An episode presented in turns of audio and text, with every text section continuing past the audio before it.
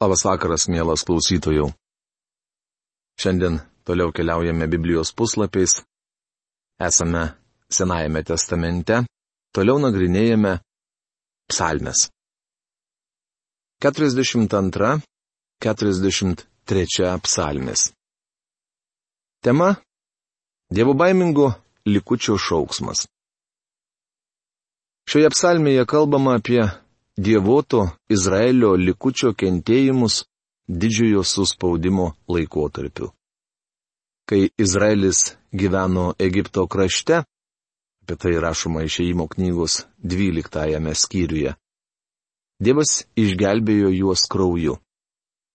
Tie, kurie tikėjo Dievu, apšlakstė savo namų durų sąramas ir staktas paskos avinėlio krauju. Vidurnaktį mirties angelas aplenkė visus namus, kurių durų staktos buvo išteptos krauju ir juose niekas nemirė. Tai buvo išgelbėjimas krauju. Antroji išgelbėjimo fazė įvyko ties Raudonąją jūrą. Tuomet Izraelio tauta buvo išgelbėta gale. Šios psalmės prierašas byloja. Horo vadovui Koracho sūnų Maskilas. Maskil reiškia, jog tai pamokanti psalmė, kurią reikia suprasti. Galbūt pamenate, jog Izraeliui klajojant po dykumą Korachas sukėlė maištą. Dėl nepaklusnumo Mozė ir Aaronui Dievas nubaudė šį vyrą mirtimi, tačiau jo sūnų buvo pasigailėta. Dievas labai aiškiai davė suprasti, kaip rašoma skaičių knygos 26 skyriaus 9-11 eilutėse, kad Koracho sūnus liko gyvi ir toliau tarnavo Dievui. Jie ir parašė kelias pirmasias išeimo knygos dalies psalmes, kurios beje yra nuostabios. Čia pranašiškai kalbama apie būsimą didžiojo suspaudimo laikotarpį. Kaip elni ilgisi tekančio vandens, taip aš ilgiuosi tavęs Dieve. Visa gyvastimi trokštų Dievo, gyvojo Dievo. Kada nueisiu ir pamatysiu Dievo veidą? 42 psalmės 2-3 eilutės. Užuot grįžęs į tuos laikus, kai Izraelis vergavo egiptiečiams, noriu susijęti skaitytus žodžius su Izraelio ateitimi, mat ateis laikas, kai jie vėl bus išvaryti iš jiems priklausančio krašto. Kai kurie puikūs Biblijos aiškintojai mano, jog dabartinis žydų sugrįžimas į Izraelio žemę gali baigtis dar vienu jų išsklaidimu. Šiandien Izraelio krašte dievo baimingo likučio nėra. Ten gyvena tik dvi grupės žmonių. Viena jų - žydų ortodoksai, kurie tebe laukia savo mesijo ir siekia atstatyti šventyklą. Kiti žmonės, kurių visai nedomina religija. Jie tvirtina, kad prasidėjo nauja era. Vienintelis jų rūpestis - Egiptas, Arabai ir Junktinių tautų organizacija. Dievo baimingas Izraelio likutis Dievo žmonės. Ilgisi Dievo, kaip ir visų laikų tikintieji. Jie primena Dovydą. Manau, šiuos žodžius galėjo ištarti Dovydas slėpdamasis uolų plyšyje virš žaliuojančio slėnio. Galimas dalykas, jis išgirdo medžiotojų šūksnius ir šunų lojimą, o po kelių minučių netoliese sušnarėjo krūmai. Sargyba ėję Davido vyrai sukluso. Netoli olos angos tekėjo upeliukas. Staiga iš krūmų išnyra apsiputojusi elni, panardina galvą upelyje ir ima godžiai gerti tyrą vandenį. Po to atsitėse, pastačiusi ausis įsiklauso ir vėl geria. Dėl to psalmininkas galėjo pasakyti, kaip elni ilgisi tekančio vandens, taip aš ilgiuosi tavęs, Dieve. Ar jūs taip ilgitės Dievo? Kai kurie žmonės mano, kad Dievui galima patikti laikantis dešimties įsakymų. Bičiuli, žmogus yra svetimas Dievui. Jam negana laikytis dešimties įsakymų. Dešimt įsakymų tik parodo, jog esame nusidėjėliai, sukilę prieš Dievą ir anaip tol jo nesijilgime. Todėl mums reikia gimti iš naujo. Turime tapti Dievo šeimos dalimi, kad iš širdies gilumos galėtume pasakyti, kaip elni ilgisi tekančio vandens. Taip aš ilgiuosi tavęs, Dieve. Šie žodžiai bus ypač reikšmingi Izraelio likučiui, tačiau ir šiandien jie prasmingi daugeliu Dievo vaikų. Ašaromis mintu dieną naktį, visą dieną žmonės manęs klausinėja, kurgi tavo Dievas? 42 psalmės ketvirta eilutė.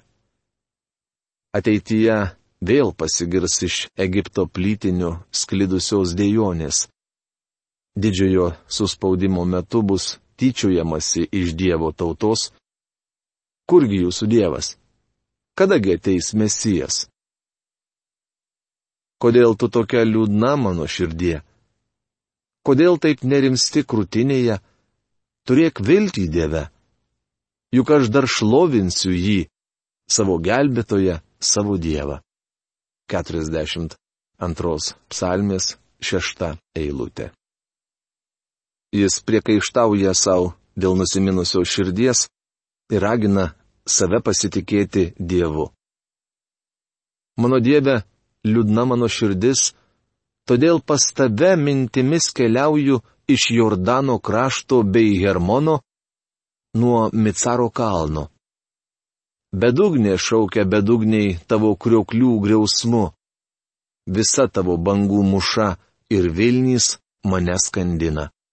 42 psalmis 7-8 eilutės.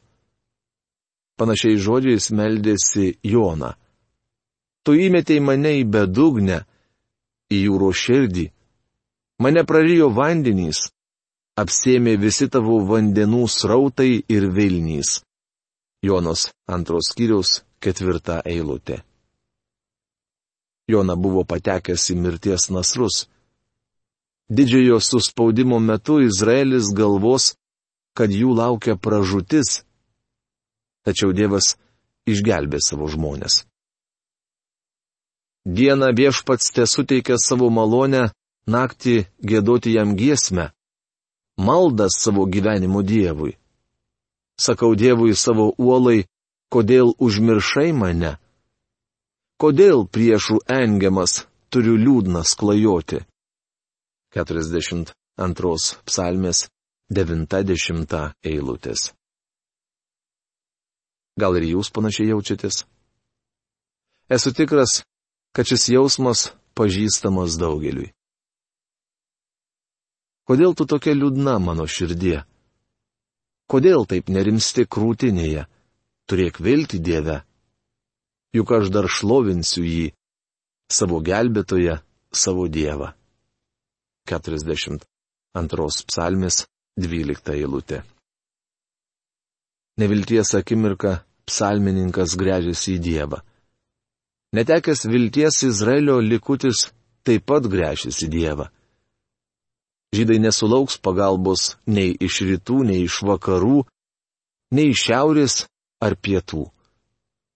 Mano pagalba ateina iš viešpaties, dangaus ir žemės kūrėjo. 43 psalmė labai susijusi su 42. Dievotas tautos likutis šaukėsi Dievo, kad jis apgintų juos. Išteisink mane Dieve, apgink mano bylą prieš nedorų žmonės, nuo klastingo ir nesažiningo žmogaus gelbėk mane. 43 psalmės pirmą eilutę. Tai kalba Izraelio likutis. Antikristas, melagis. Su šiais žmonėmis jis sudarys sandurą, bet savaitės viduryje ją sulaužys. Tuomet Izraelio likuti šauksis Dievo prašydamas. Nuo klastingo ir nesažiningo žmogaus gelbėk mane. Nežinau, ar jūs kada taip meldėtės, bet aš esu prašęs, Dieve, neleisk, kad jungtinėse valstijose iškiltų diktatorius. Baisu, kad taip neatsitiktų. Turime prašyti, kad Kristus gelbėtų mus nuo klastingų ir nesažiningų žmonių. Aš nenoriu, kad nedorėliai valdytų Junktinės Amerikos valstijas. Mano tautos istorijoje tokių vadovų buvo jau ne vienas. Manau, kad dabartinę mano tautos būklę nulėmė netikęs vadovavimas ir vidaus problemos. Siūsk savo šviesą ir tiesą ir teveda jos mane. Te parveda mane prie tavo šventojo kalno į tavo buveinę. 43 psalmis, ketvirta eilutė. Siūsk savo šviesą ir tiesą. Ko meldžia psalmininkas? Jėzus sakė, aš pasaulio šviesa. Kas seka manimi, nebevaikščios tamsybėse, bet turės gyvenimo šviesą, rašoma Jono Evangelijos 8 skyriaus 12 eilutėje. Tai patvirtino, aš esu kelias, tiesa ir gyvenimas.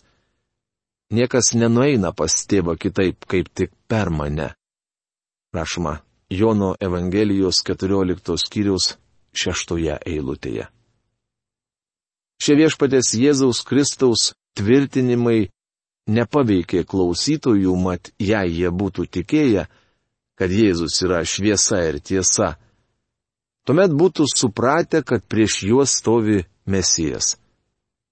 Te parveda mane prie tavo šventojo kalno į tavo buveinę. Psalmininkas trokšta sugrįžti į Jeruzalę ir šventykloje garbinti Dievą. Kodėl tu tokia liūdna mano širdie? Kodėl taip nerimsti krūtinėje? Turėk viltį Dieve. Juk aš dar šlovinsiu jį, savo gelbėtoje, savo Dievą. 43 psalmės, 6 eilutė. Jų maldos bus išklausytos ir ilgai lauktas mesijas sugrįž. Tuomet išsipildys Ezechielio pranašystė. Duosiu jums naują širdį ir atnaujinsiu jūs naują dvasę. Išimsiu iš jūsų akmens širdį ir duosiu jums jautrę širdį. Duosiu jums savo dvasę ir padarysiu, kad gyventumėte pagal mano įstatus, laikytumėtės mano įsakų ir juos vykdytumėte. Tuomet jūs gyvensite krašte, kurį daviau jūsų protėviams. Jūs būsite mano tauta o aš būsiu jūsų Dievas. Rašoma Ezechielio knygos 36 skyriaus 26-28 eilutėse. 44 psalmi. Tema Izraelio tautos šauksmas didžiojo suspaudimo metu. Prieiname dar vieną maschilą pamokymo psalmę, kurią parašė Koracho sūnus. Nors neįmanoma nustatyti istorinės situacijos išaukusios šią maldą, mes galime žinoti pranašišką jos aiškinimą. Čia prašytas paskutinis ištikimo Izraelio likučio išgyvenimas prieš mesijui sugrįžtant išvaduoti savo tautos. Dieve savo ausimis girdėjome, tėvai mums papasakojo apie didžius darbus, kuriuos padarė jų laikais senovės dienomis. 44 psalmės antra eilutė. Ta pati kalbėjo ir Gideonas. Gideonas atsakė, prašau atleisti mano viešpatie, bet jei viešpat su mumis, tai kodėl mus visą tai ištiko? kurgi visi jo nuostabūs darbai, apie kuriuos mums pasakojo protėviai sakydami, iš tikrųjų viešpats išvedė mus iš Egipto. Juk dabar mūsų viešpats atmetė ir atidavė Midijanui į rankas. Rašoma teisėjų knygos šeštos skyriaus tryliktoje eilutėje. Būsimųjų sunkumų metu, kai Dievas bus besirengęs vėl išvaduoti Izraelį, jie prisimins Dievo pagalbą. Tuomet Dievas, kaip kitados, pakreips istoriją Izraeliui palankę linkme. Tu savo ranką išvariai tautas, o juos pasodinai. Ištikai nelaimė kitas tautas, o savoje apdovanojai sėkme. 44 psalmės, trečia eilutė. Čia kalbama apie Mozės ir Jozuės laikus. Dievas iškeldino Kanano gyventojus dėl jų nuodėmių, užleisdamas jų valdas savo išrinktai tautai. Juk ne savo kalaviju jie paėmė kraštą. Ne jų ranka padarė juos pergalingus, o tavo dešinė, tavo petys ir artumas, nes tu juos mylėjai. 44 psalmės, 4 eilutė. Dievas atidavė Izraelio vaikams pienu ir medumi tekantį kraštą. Izraelitai neužėmė jo savo gudrumu ar galybę. Mums tavo dešinė yra galinga, teikianti išgelbėjimą Dievo ranka, apsireiškusi beveik prieš du tūkstančius metų Golgotoje. Toliau girdime psalmininko širdies šauksmą. Tu mano karalius ir mano dievas, tu suteiki pergalę savo Jokūbui. 44 psalmės 5 eilutė. Tikiuosi, suprantate, kad Jokūbas yra vyras, iš kurio kilo Izraelio tauta. Sakydamas, tu mano karalius ir mano dievas, psalmininkas turi omenyje Izraelio karalių. Mūsų viešpats Jėzus yra Izraelio karalius, sugrįšiantis išvaduoti savo kenčiančios tautos. Žinoma, šie žodžiai taikytini ir mums. Tačiau žiūrėkime į psalmes tinkamai kad jos būtų mums prasmingesnės. Per tave atmušame priešus, tavo vardu trempiame užpolikus. Juk ne savo lanku aš pasitikiu, nei mano kalavijas neneša man pergalis. 44 psalmės 6-7 eilutės. Būsimojo suspaudimo dienomis dievo baimingasis likutis mels keršto. Jie bus įstatymo valdžioje, todėl turės teisę tai daryti. Šiandien mes turime melstis už savo išnaudotojus, mums net sakoma mylėti priešus. Tai labai sunku, bet mes galime palikti savo priešus viešpačiui. Neturėtume keršyti patys, nes viešpats sako, mano kerštas, aš atmokėsiu. Tai prašoma Romiečiams laiško 12 skyriaus 19 eilutėje. Daugelį žmonių mums dėrėtų pavesti viešpačiui ne tik tam, kad jie būtų išgelbėti, bet ir jo kerštui. Kalbu ne apie tuos, kurie yra padarę mums asmeninės skriaudos, bet apie žmonės, trukdančius Dievo žodžio skleidimui. Baisukai, juodinamas Dievo tiesas ginantis vyras ar moteris, turėtumėte būti atsargus, kritikuodami savo pastorių.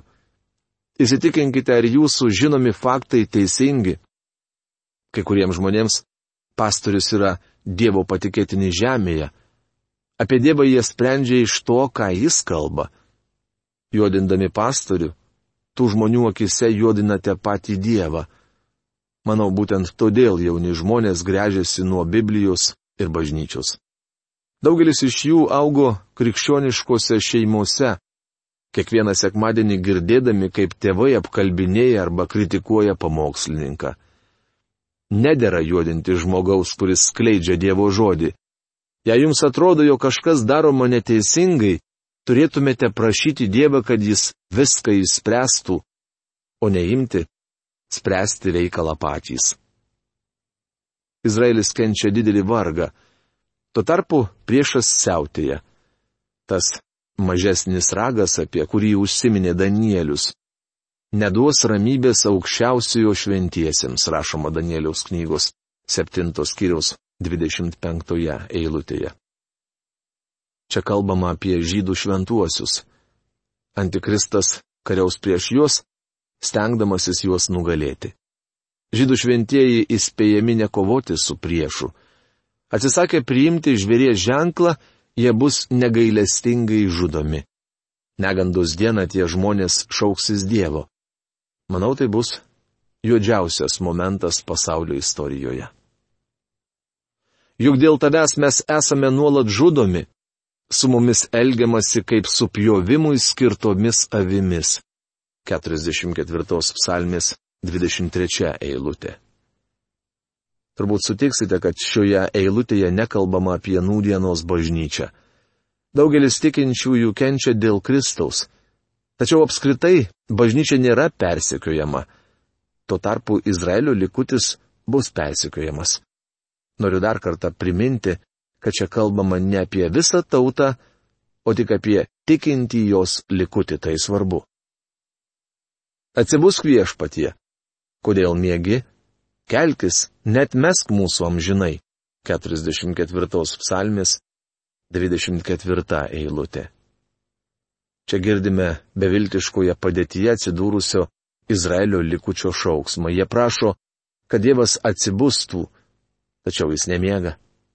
Makabėjų laikais, Senojo ir Naujojo testamento laikų sandūroje, labai įsigalėjo Izraelio priešai. Tuomet izraelitai prisikentėjo daugiau negu bet kada anksčiau. Tačiau tai niekis palyginus su kentėjimais, kuriuos jiems teks iškesti didžiojo suspaudimo metu. Makabėjų laikotarpiu buvo grupelė kunigų vadinamų žadintojais. Jie šaukėsi Dievo, sakydami, atsibusk viešpatie, kodėl mėgi? Anuomet žmonėms atrodė, kad Dievas miega. Bet vyriausiasis kunigas Džonas Hirkanusas, vienas iš didžiųjų makabėjų, sustabdė šį judėjimą. Jis klausė, ar Dievas miega? Argi šventajame rašte nėra pasakyta, štai Izraelio globėjas nei snaudžia, nei miega? Mums nereikia žadinti Dievo, net jei kartais atrodo, kad jis miega.